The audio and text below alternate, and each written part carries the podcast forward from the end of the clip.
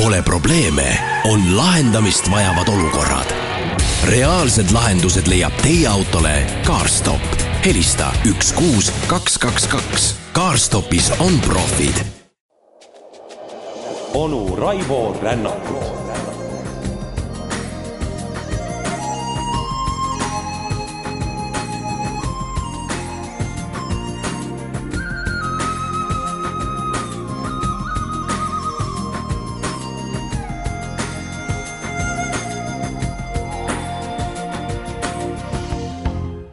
ja tere karget külma hommikut, head sõbrad! seda paradoksaalsem on seda mainida, et mina viin teid jällegi soojadele maadele. ehk jõulujärgselt oleme rääkinud Ida-Rooma riigist ja Bütsansist ja sellest, kuidas ristiusk sellesse regiooni saabus ning seejärel peatunud pikalt-pikalt küll keisritel Justinusel, küll Justinianusel ning üritanud saada selgust selles segaduses, mis tingitud Kalhedoni usutunnistusest ja otse loomulikult lihtsalt maakeeli öeldes võimuvõitlusest ida ja lääne kiriku vahel. ning eelmisel pühapäeval ütlen siis juba etteruttavalt ära, et tänane rännak tõepoolest on meil Bütsansis ja soojadel maadel viimane. lahkusime me oma keisrist sel hetkel, kui järjekordselt toob ta justkui kolikambrist välja oma andeka ja võiduka väejuhi Belisariuse, kelle ustavuses aeg-ajalt teda kahtlema sunnitakse, sest liialt tegus, liialt võimas on see mees. ning lahkusime temast siis, kui keiser Justinianus küll pisut vastutahtmist ning kiitsilt, ehk siis väheste meestega saadab ta vandaalide kuningriigi kallale.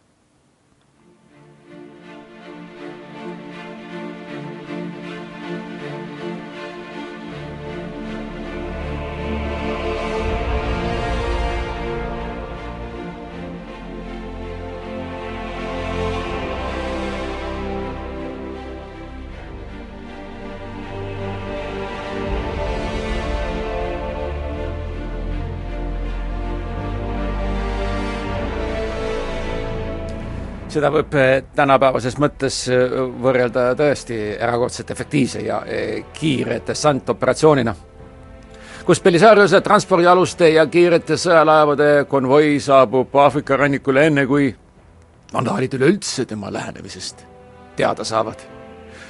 ning sisuliselt langeb vandaalide kuningriik pärast kahte lahingut. esimene neist oli nõndanimetatud kümnenda miili tähise lahing ning see toimus kunagise Kartaago juures. kolm kuud hiljem saavutas Belisarios järjekordse võidu ning sedapuhku pidi kogunisti vandaalide kuningas Geelimer põgenema.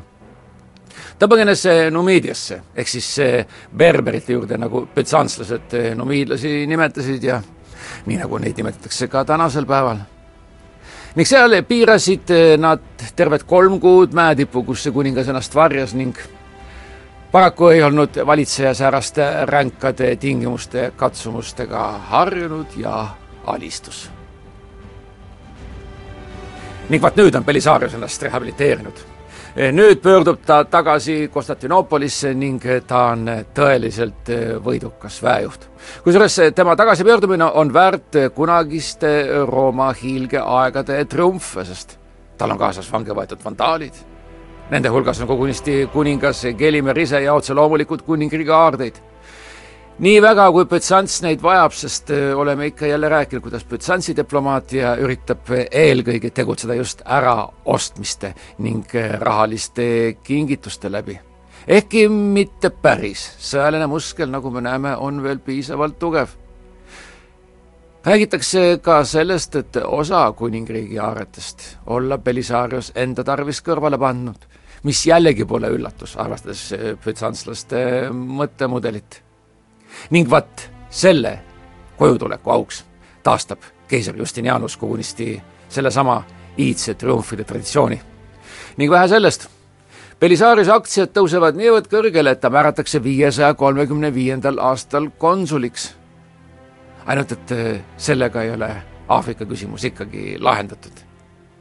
vandaalide kuningriik, tõsi küll, on alistatud, aga nüüd on neil äh, vaja tegemist teha nende samade numiidlaste ehk berberite ehk siis mauridega, nagu neid samuti kutsuti. ning vaat nüüd hakkab Justinianus oma võimu tajumisel vaatama Itaalia poole, kuidas siis teisiti. milline keiser ei tahaks taastada kunagisi keisririigi piire ning kunagine Rooma hilgeaegade Itaalia oleks selleks ju kõige sobilikum saak. Kuid seal on idakoodid. ning nüüd saab Justinianus aru, et see hetk on sobilik idakootide kuningriigi ründamiseks. liiatigi oli tal selleks olemas ka mõjuv põhjus. ikka on sõdadeks olemas mingid põhjused, mis nii-öelda kilbile seatakse ning põhjuseks oli see, et idakootide kuningas Theodahat oli tapnud Theoderichi tütre Amalasuntha. Ja vot nüüd tundub, et Itaalia on tõesti justkui küps vili, mis võib väikese näpuliigutuse läbi Justinianuse sülle kukkuda. ja otse loomulikult saadetakse lahingusse taas kord võitmatuna näiv Belisarius sellel samal aastal vallutab ta suurema vaevata Sitsiilia, ületab järgmisel aastal Messina väina ning liigub üles põhja poole. Mõnda aega paneb vastu Neapolis ehk siis praegune Napoli. aga Theodahad ei saa mitte kusagilt abi ja idakoodid on sedavõrd nördinud, et kogunisti tagandavad Theodahadi ning asendavad ta tunduvalt sõjakama pealikuga, kellel nimeks Vitigis aga nüüd asub tegevusse justkui kõrvaline faktor. nimelt on Justinianuse poolt idakootide kallale esitatud veel ka põhja pool asuvad frangid. ning nüüd tajub seesama Vitigis, et tal on palju pakilisemaid asju ajada, kui bütsanslastega jännata ning läheb hoopiski nendega kokku leppima ning nõnda ongi Rooma justkui kaitseta enne kui Vitigis lahkub, võtab ta Roomas resideeruva paavsti, kelleks tol hetkel on paavst Silverius, ta võtab talt truuduse vande. jätab linna, nagu juba öeldud, kõigest väikesearvulise garnisoni ning lähebki siis põhja poole Franke maa rahustama. ning samas ka oma võimu nii-öelda legitiimsemaks muutma, sest alles ta on ju kuningaks kuulutatud ja otse loomulikult on vastasseisu rivalitsevate pealikute hulgas tuntavalt ning ta muudab selle legitiimseks selle läbi, et abiellub. Nii tüüpiline tollel ajal oma kunagise rivaali Theoderichi tütre Amalasunta, aga seeläbi kindlustab ta endale keisrikoja kui sellise. liiatigi on seesama Amalasunta ka viimane Amalide soo esindaja, nii et nüüd on tema võim tõesti muutunud legitiimseks ning kui Belisarius läheneb, siis juhtubki täpselt see, millest me äsja rääkisime, ehk Rooma langebki küpseunane bütsanslaste sülle. Nimelt, kui ta oma vägedega läheneb, siis võtab linnarahvas paavsti nõuanne kuulda ja avab linna väravad. pangem tähele, seesama paavst, kes andis alles truuduse vande ning nüüd ühtäkki avatakse väravad. ükskõik kustpoolt vaadata, kas ei ole see sisuliselt reetmine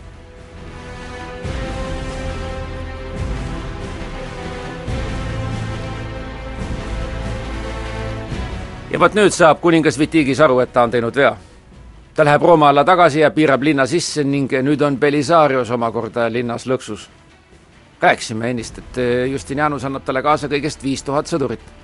ometigi kaitseb ta Roomat rohkem kui aasta ning see on tõhus, see kannab vilja, sest et viiesaja kolmekümne kaheksanda aasta märtsis annavad hoopiski koodid järele. sõda kestab edasi, Itaalia laastamine jätkub ning Belisarius suundub edasi Ravenna poole, mis on tollel ajal kõige tähtsam metropol Itaalia poolsaarel. rääkisime sellest, et Lääne-Rooma riigi langemisel tõepoolest kanti pealinn üle Ravennasse. kui Belisarius Ravenna ära võtab, siis aitab teda jällegi reetmine. ehk ta jättis gootidele mulje, et kui need Ravenna loovutavad, siis pöörab ta oma isandale Justinianusele selja ja taastab Lääne-Rooma riigi ning asub ise seda valitsema. Nad annavadki koodid Ravenna käest. aga varsti purjetas Belisarius hoopiski Konstantinoopolisse jällegi on tal kaasas linnavarad ja gootide kuninglik perekond ja vaat nüüd saavad kibestunud gootid aru, et neid on ninapidi veetud ja neil ei jää midagi muud üle, kui järjekordset kuningat otsida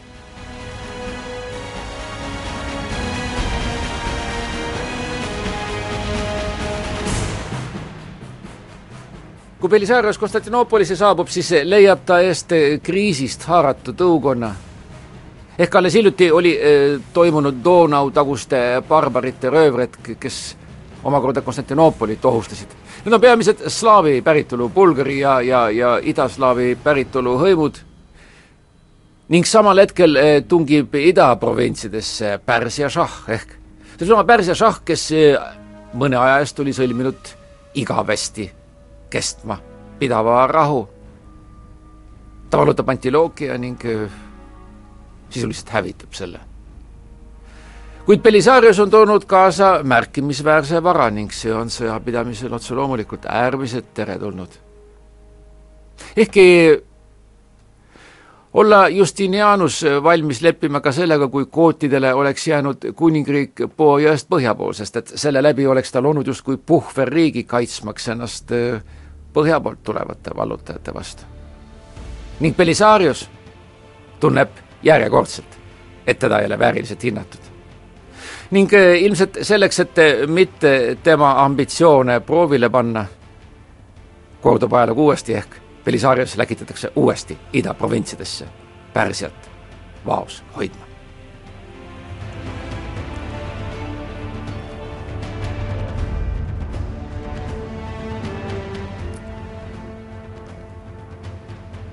Samal ajal puhkeb Egiptuses viiesaja neljakümne esimesel aastal Muhu katk, mis jõuab ka Konstantinoopolisse ning ei maksa üldsegi alahinnata sääraseid haigusi, mis omal ajal hävitasid terveid linnu, terveid kultuure, terveid kuningriike. on teada, et tolleaegset katku põhjustasid kirbud, mida levitasid rotid. nüüdseks peamiselt välja surnud mustad rotid, kes on tõrjutud teatavasti välja hallide suuremate rändrottide poolt, olid selleks nakkuse kandjaks ning see oli tõeline must surm. ning Justinianuse periood oli ka ajastu, mil inimesed tõesti uskusid, et tegemist on põrgu karistusega. räägiti Büsansi tänavatel kogunisti, et eh, inimkuju võtnud saatanad kõndisid tänavatel ringi ja põrnitsesid oma ohvreid läbi tungiva pilguga ning räägiti kogunisti pronksist laevadest, mida juhtisid peata olendid ning mis siis eh, tõid taudi järjekordsesse uude sadamasse, nii et olukord oli kriitiline ning tegelikult eh, demoraliseerumisest oli ka mõjus ja suur impeerium üldsegi mitte kaugel. muide, isegi Justinianus ise haigestus, kuid ilmselt tuleb siin anda au ka tolleaegse keisrikoja arstiteadusele, sest et üllatavalt ta paraneb, ehkki ajad jäävad ikkagi ärevaks ja äh, kui Theodora kuuleb, et äh, Belisarios ja üks teine väejuht äh, olla omavahel arutanud võimu pärimist, siis otse loomulikult on parem tuua säärased tugevad ja tülikad tegijad tagasi Konstantinoopolisse, et mitte luua rivaalitsevat keskkonda. ja ikkagi langeb Belisarios järjekordselt ei tea kui mitmendat korda põlu alla. nii haprad on need võimuvõitluse tingimused ehk seesama varandus, mille ta nii võidukalt oli endale võitnud, konfiskeeritakse ja väidetavalt äh, ripub juuksekarva otsas ka tema enda elu. kuid keisri taga või tema kõrval seisev kõige mõjuvõimsam inimene, keisrinna Theodora leebus, sest et tema parimaks sõbrannaks oli Antonina, kes omakorda oli Belisariuse abikaasa.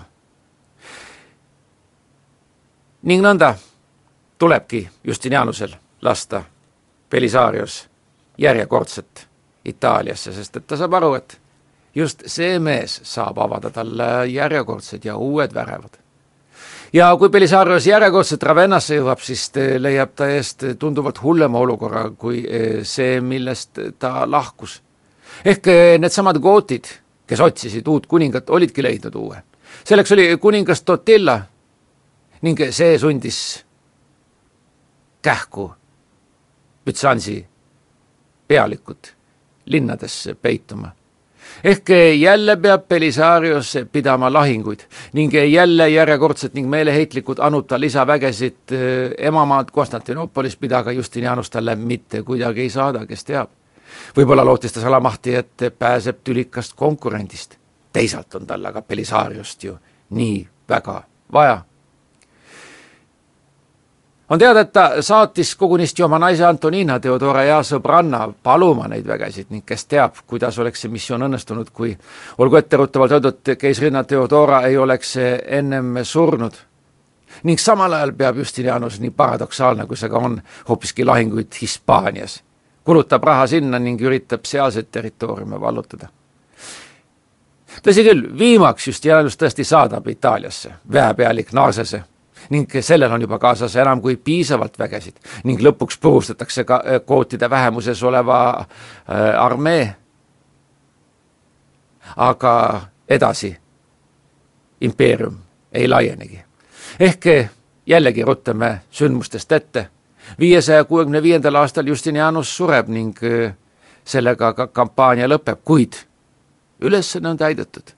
vaesunud Itaalia on idariigi kätes ehkki mitte kauaks, sest et juba kolm aastat hiljem tungivad sinna langobardid ja olgu siis nii-öelda kõrvalmärkusena öeldud, et nõnda sünnibki praegu tuntud eh, provints Lombardia, kuid see on juba hoopis teine jutt. onu Raivo Rännakut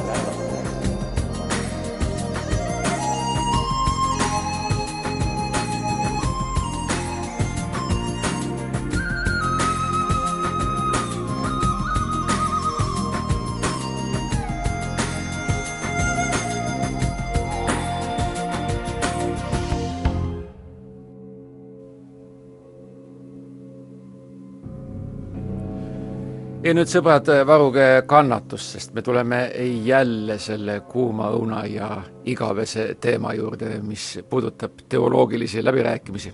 ei pääse me Justinianuse valitsemise ajal sellest teemast ning see on vaja lõpuni rääkida.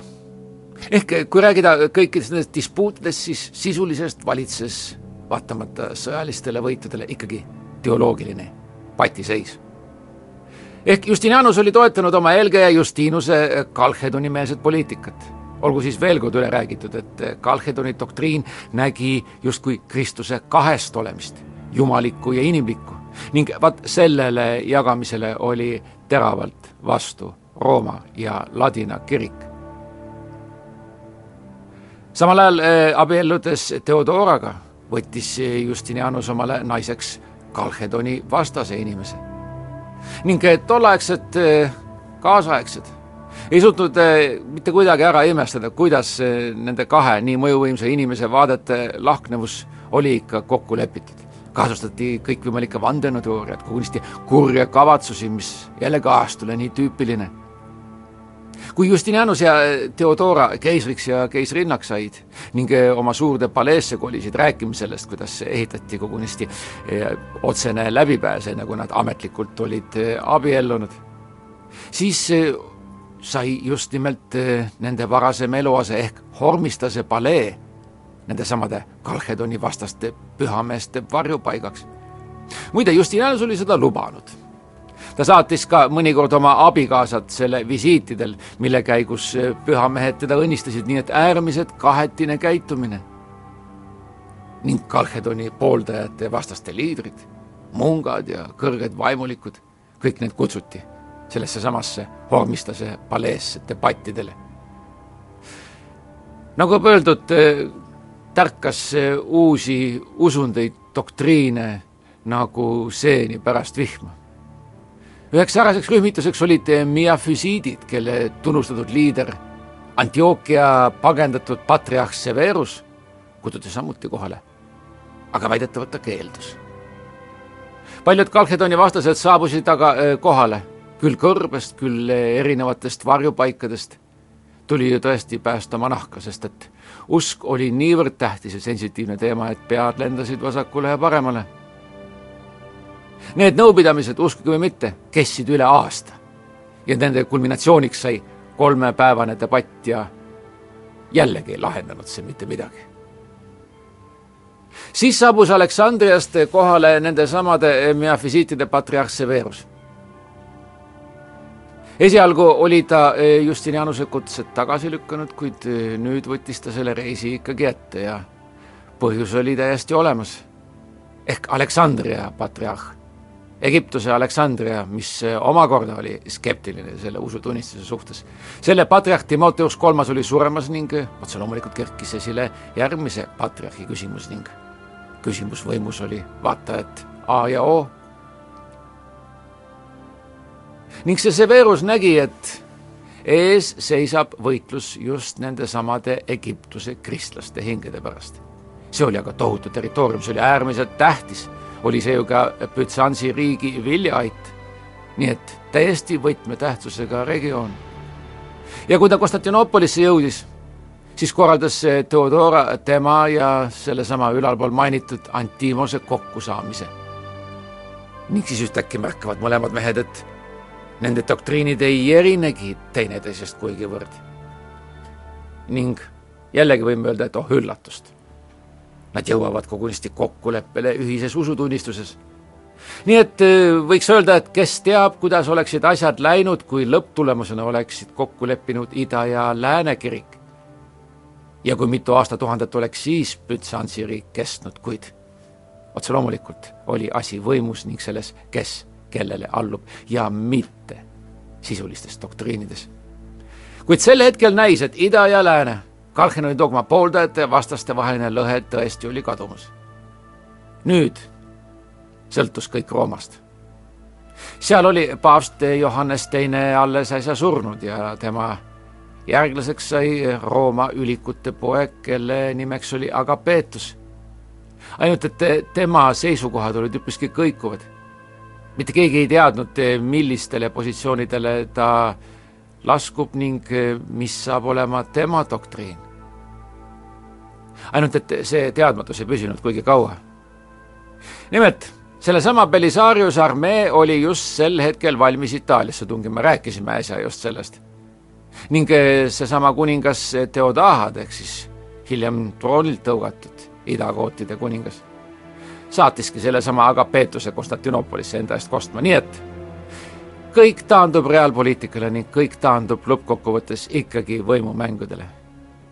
ning seal ei kulutanudki aga Peetus idakootide kuninga kaitsmisele kuigi palju aega, vaid ta lihtsalt hävitas Severuse ja Antimose kokkuleppe.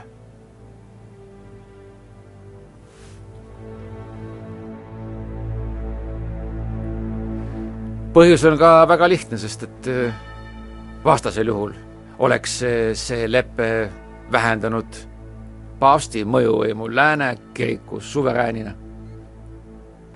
mis puudutab Justinianust, siis esialgu olla ta püüdnud eh, nii-öelda bluffida ja isegi ähvardada, aga aga Peetus ei löönud verest välja ning viimaks, kui seesama Antimos keeldus eh, tunnustamast Kristuse Kalhedonis määratletud kaht olemust keeras keiser talle hoopiski selja.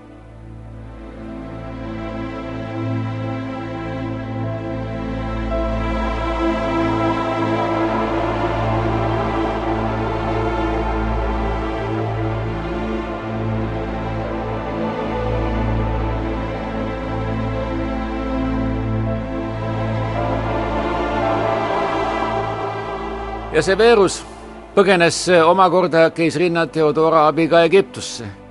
ka Antimos kadus. nii õrn see võimumäng siis oligi. Justinianus ise arvas, et Theodora varjas Antimost kusagil turvapaigus ja ei hakanud sellepärast patriarhi otsima ning tegelikult intuitsioon ei vedanud teda alt. ehkki kirjutati tolleaegsetes ürikutes, et isegi keiser oli üllatunud, kui pärast keisrina Theodora surma ilmuski seesama Antimos välja ei kusagilt mujalt kui keisri palee naiste ruumidest. sest just nimelt seal oligi ta endale pelgupaiga leidnud. aga Justinianus olla tervitanud teda lugupidavalt ega teinud talle liiga, mis näitab veel kord, kuivõrd mõjuvõimas respekteeritud ja päris kindlasti kohe ka armastatud oli keisrinna Justinianuse poolt. kuidas muidu oleks ta säärase positsiooni isegi pärast oma surma keisri meeltes säilitanud. mis puudutab aga äh, mainitud agapeetust, vaadake, milline võimumeeste ja doktriinide virvarr siis. see mees kasutas äh, talle jäänud väheseid päevi selleks, et äh, Kalhedoni vastased omakorda Konstantinoopolist välja rookida. aga Peetrus oli aga ju Rooma paavst, nagu me rääkisime. ainult et eh, siis juhtus eh, tema tervisega midagi ootamatut. nimelt räägiti, et see keel, millega ta oli Antimost ja Severust eh, armutult rünnanud, sõna otseses mõttes nii-öelda füüsiliselt tursus üles, nii et see rippus tal suust välja tehti kõikvõimalikke katsetusi seda paistetust lahti lõigata, aga see ei andnud tulemusi ning aprillis heitiski paavst äh, tundmatu haiguse küüsis ränkades valudes hinge. ja nõnda on tee vaba uutele võimumängudele. uue paavsti jaoks sai tee vabaks ja Konstantinoopoli nuntsius Vigilius oli erakordselt innukalt valmis seda kohta taotlema.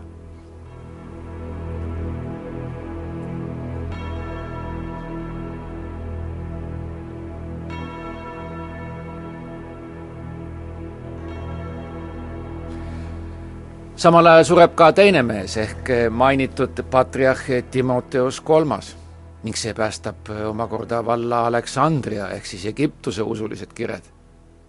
ning Kesrina Theodora kojaülem kandis omakorda hoolt, et paavsti järglaseks valitaks tema sekretär Theodosias.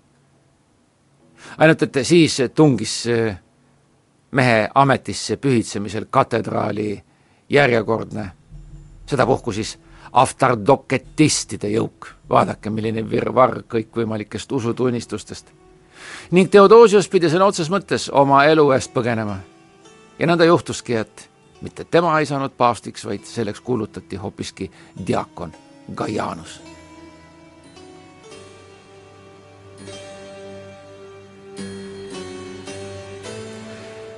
nüüd lähevad kiriklikud võimumängud juba nii kaugele, et kasutatakse sõjaväge ehk eh, Theodora isiklikult saadab eh, tervelt kuue tuhande mehelise väe, kelle eesotsas on Narses Kajanust kukutama ja seadma ametisse ikkagi Theodosiust.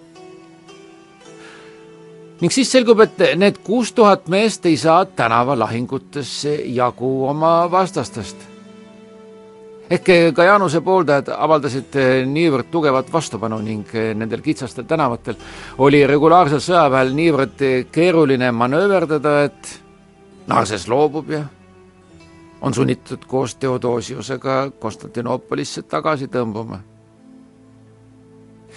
ning teine väepealik, Belisarius, on samal ajal Roomas, rääkisime sellest see on just see hetk, kui tema on viie tuhande mehega Roomas, kus ta anub meeleheitlikult Konstantinoopolit saatma talle lisamehi ning nüüd me saame aru, miks Konstantinoopol neid talle ei saatnud.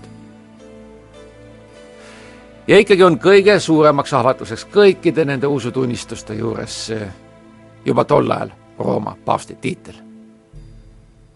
veel üks pretsedent ehk seesama kunagine nuntsius Vigilius lubab nüüd Theodorale, et ta tühistab Antimosi kiriku vande, kui keisrinna aitab tal paavstiks saada ning selle lootusega asubki ta Rooma poole teele, ainult et kui ta kohale jõuab, siis leiab ta eest uue paavsti. ehk vaat siis valitaksegi paavstiks Silverius ehk seesama, kes laseb Rooma linna väravad avada. ning Silveriuse isa Hormistas oli just eh, läbirääkimis Justinusega omakorda veel ühe kirikulõhe ehk Akakiuse kirikulõhega, nii et vaadake, milline meeletu virvarr kõikvõimalike doktriinide võitlustest. mis puudutab Gesrina Theodorat, siis ta ei tunnista ennast isegi sel hetkel lööduks. tegelikult on põhjusi täitsa olemas, sest Roomat okupeerib Beliseriuse sõjavägi ja Beliseriuse Antonina on ju Theodora parim sõbranna ning räägitakse, et ka tema parimaid agente ning nüüd esitab seesama Antonina hoopiski paavst Silveriuse vastu reetmissüüdistuse. ning see töötab ehk. paavst kihutatakse Roomast välja ning uskuge või mitte, ta sureb pagenduses nälga. vaat nõnda saabki Vigiliusest ikkagi lõpuks paavst.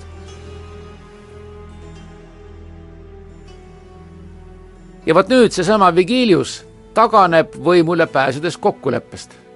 Tundub, et ei ole midagi uut siin päikese all. ehk Rooma vastasseis mis tahes kompromissile Kalhedoni usutunnistuse küsimuses oli niivõrd sügavale läinud, et eh, tema ei oleks seda suutnud muuta mitte mingi väega.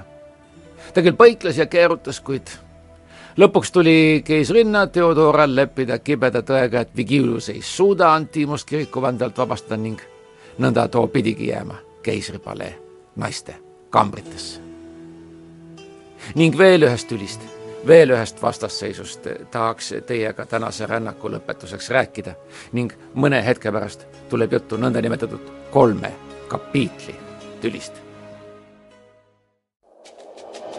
onu Raivo Rännakut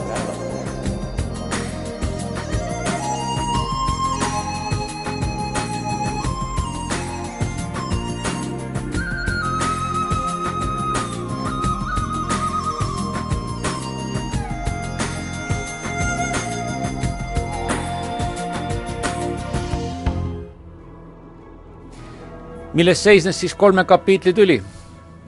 oleme rääkinud, kuivõrd Justinianusele meeldis oma lemmikusuteadlastega hilistel öötundidel teoloogilisi peensusi arutada.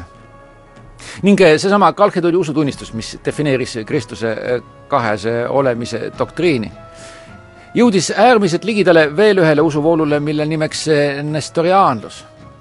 ning selle raja Nestorius isegi ei osanud justkui selles Kalkedonis mitte mingit viga leida. niisiis anti tuge süüdistusele, et seesama kalhedonism ja nestorianus on tegelikult ühe ja sama doktriini kaks erinevat nimetust. ning vot nüüd otsustab Justinianus selle vea parandada ning kõik kolm eelmise sajandi nestoriaanlast hukka mõista ning anda välja kolme kapiitli edikti, kus taunitakse kolme asja ehk mainitud Theodorose isikuid ja teoseid, mõningaid eh, teoloog Theodoretuse kirjatöid ja eh, kirju Pärsia piiskopile. ning vot sellest saab alguse järjekordne titaanlik heitlus ei kellegi muu kui Rooma paavst Vigiliusega. ning vot nüüd ei saa sellest võitlusest enam paavst nii heitlik ja nii muutlik, nagu oma ta positsioonide eh, sõnastamisel oli, mitte kuidagi enam kõrvale hoida sest juba ammu surnud kiriku tegelasi hukka mõistes haaras Justinianus keisrina endale õiguse Kalhedoni kiriku kogu otsus ära muuta. ning kõik teised patriarhid ootasid Rooma seisukohta, ehk oli oht, et kiriku ühendamine ikkagi toimub ning hoopiski Justinianus lõikab sellest loorberid. ning Vigilius lükkas otsustamist edasi aga ka keiser Justinianus oli valmis karme meetmeid kasutama ehk viiesaja neljakümne viienda aasta novembris, paar päeva pärast seda, kui gootid teistkordselt Rooma piiramist alustasid, võttis Bütsansi sõdurite üksus missat pidava Vigiliuse vahi alla, uskuge või mitte, ja toimetas ta Sitsiiliasse, kuhu ta jäi enam kui aastaks, enne kui reisis Konstantinoopolisse ja kus, kas silmakirjalikult või mitte, Justinianus ja keisrinna Theodora teda soojalt tervitasid, ehkki otse loomulikult oli see soojus väline. ning lääne piiskopid ootasid, et Vigilius neid selles suures ning nende meelest viimases kiriklikus lahingus juhiks. see Vigilius punnis aga pikka aega visalt vastu ning lõpuks ikkagi oli sunnitud soostuma.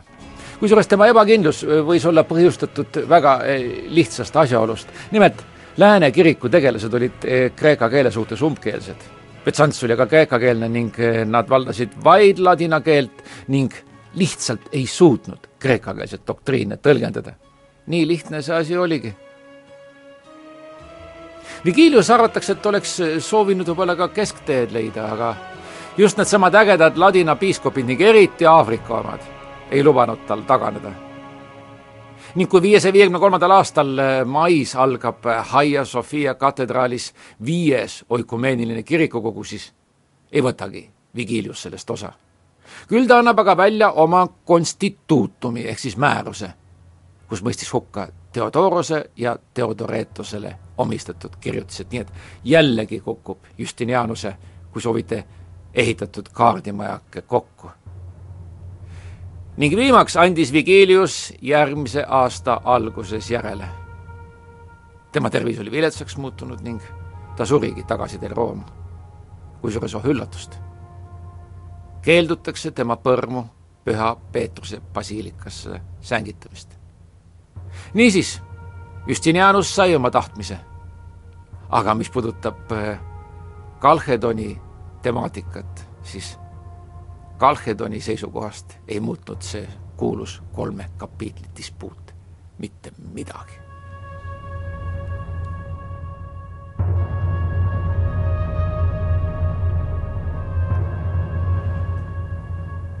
mis puudutab keiser Justinianust, siis elas ta veel seitseteist aastat pärast keisrinna Theodora surma. sel ajal häirisid riigi rahu küll nagu me juba rääkisime, Bulgaaria teiste idaslaavi hõimude rüüsteretked Balkanil ning seda peaaegu igal aastal, kusjuures sel ajal veel slaavlased Balkani poolsaarel tõesti ei ela. ja nõnda kutsub meeleheitel Justinianus äh, tagasi teenistusse kelle? otse loomulikult jällegi Belisariuse. ning jällegi suudab too andekas väejuht kiiruga moodustatud väeüksustega sissetungijatele varitsuse korraldada ja nad põgenema sundida. Siiski tegi Justinianus kõik temast sõltuva Donau piiri kaitsmiseks ning nagu juba öeldud, esimesed slaavlaste asundused rajatakse sinna alles pärast tema surma ning mitte varem. Mis puudutab Justinianuse kuulsat ehitusprogrammi, oleme talle tänu võlgu selle uskumatult mõjusa Hagia Sophia kiriku ehitamisele, siis. Ka see ehitusprogramm jätkus kõikjal, pange tähele, kõikjal peale Itaalia. Ning paraku kurnas see, vaatamata sõjasaakidele, riigi varakambri põhjalikult välja.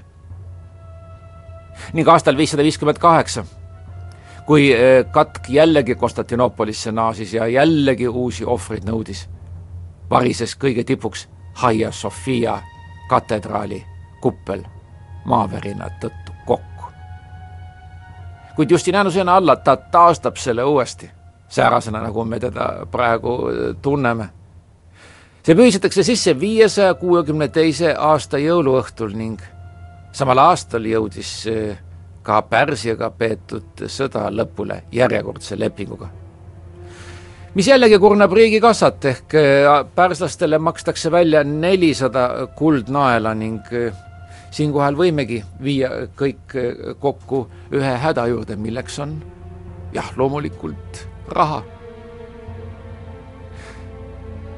rääkisime oma eelmiste pühapäevade rännakutel ka omaaegsest sisetülist ning kui soovite ka eh, sisepoliitilisest faktorist, mis puudutas siniseid ja rohelisi, neid hipodroomidel istuvaid eh, toetajaid. ka nende vägivald hakkas Konstantinoopolis järjekordselt kasvama. ning viiesaja kuuekümne teisel aastal avastati kogunisti vandenõu Justinianuse tapmiseks. ning oh häda, sellesse oli segatud jällegi Belisarius ning järjekordselt äh, tuleb Belisarios panna äh, koduaresti ning järjekordselt loobub Justinianus süüdistustest, sest niivõrd vaja on tal Belisariost. nii et seitsme kuu pärast on ta jällegi justkui puhas mees. ning äh, mis puudutab Belisariost, siis legend, et Justinianus olla tal lasknud silmad välja torgata ning siis ristteele kerjama jätta, ei vasta tõele. ajalooline Belisarios suri loomulikku surma vaid mõni kuu enne keisrit. ja meie keiser elab tõesti kaua ja ka valitseb kaua. siis, kui ta oma elu õhtule saabub, teeb ta äärmiselt äh, üllatava rännaku. Nimelt võtab ta viiesaja kuuekümne kolmandal aastal ette palverännaku peaingel Miikaeli templisse Germias see asub tänapäeva Ankara lähistel Türgis. huvitav on see, et oma pika valitsemisaja jooksul ei ole Ida-Rooma riigi keiser oma pealinnast lahkunud rohkem kui kõigest mõne miili kaugusele. kuid nüüd sunnib mingisugune sisemine vajadus, kes teab, võib-olla ka ilmutus, teda pöörduma peaingli enda poole. Kas oli see läheneva surma eelaimdus? mis see ka polnud. tagasiteel avastabki Justinianus oma tõelise usu ja selleks on meie poolt juba mainitud aftardoketism. viiesaja kolmekümne neljanda aasta lõpupoolel annab ta välja edikti, mis kuulutab sellesama aftardoketismi õigeusuks. kõik patriarhid on rabatud, kuid Justinianus võtab asja surmtõsiselt. Konstantinoopoli patriarh Eutüchius saadetakse kloostrisse ja Justinianus valmistub ülejäänutele karmilt vastu astuma. kui vahele ei segaks ennast kõige vägevam. ja võib öelda, et Justinianus oli selles mõttes õnnelik keiser, et tema valitsemisaeg jääb Bütsansi hiilgeaegadesse ning ka tema surm on õnnelik, sest et ta sureb une pealt. otse loomulikult tühistatakse otsemaid see edikt ning kui vaadata Justinianuse valitsemisaja peale, siis oli see äärmiselt pikk, tervelt nelikümmend seitse aastat. ja kui vaadata nüüd tagasi tema panusele, oleme küll kulutanud oma energiat tohutul hulgal kõikidele religioossetele dispuutidele, mis lõpptulemusena mitte midagi ei andnud, siis kindlasti on äh, ta jäetud meile lisaks arhitektuursetele monumentidele veel ühe ning selleks on tema seadusekogud. ning nagu öeldud, seal seati latt tõeliselt kõrgele. ning kui rääkida Rooma valitsejatest, siis tegelikult üksnes Augustuse ja Konstantinuse kohta võib öelda, et nad jätsid veelgi kestvama jälje kui Justinianus. valitses ta ju kas ida või lääne, aga ikkagi Rooma impeeriumi viimasel õitseajal. see on kirjanduslike, see on kunstiliste, see on ehituslike saavutuste ajajärk. ning kes teab, kui kaugele oleks asi läinud, kui oleks sekkunud katk, mis sellele optimismile ka kriipsu peale tõmbas. aastaks kuussada hinnati impeeriumi elanikkonda ainult kuuekümnele protsendile ehk peaaegu poolele sellest, mis oli olnud sajand varem. ning kokkuvõttes võimegi öelda, et Justinianus seadis oma sihi äärmiselt kõrgele kuid kas ajast oli talle armuline? see jäägu, head sõbrad, teie otsustada. kaunist pühapäeva!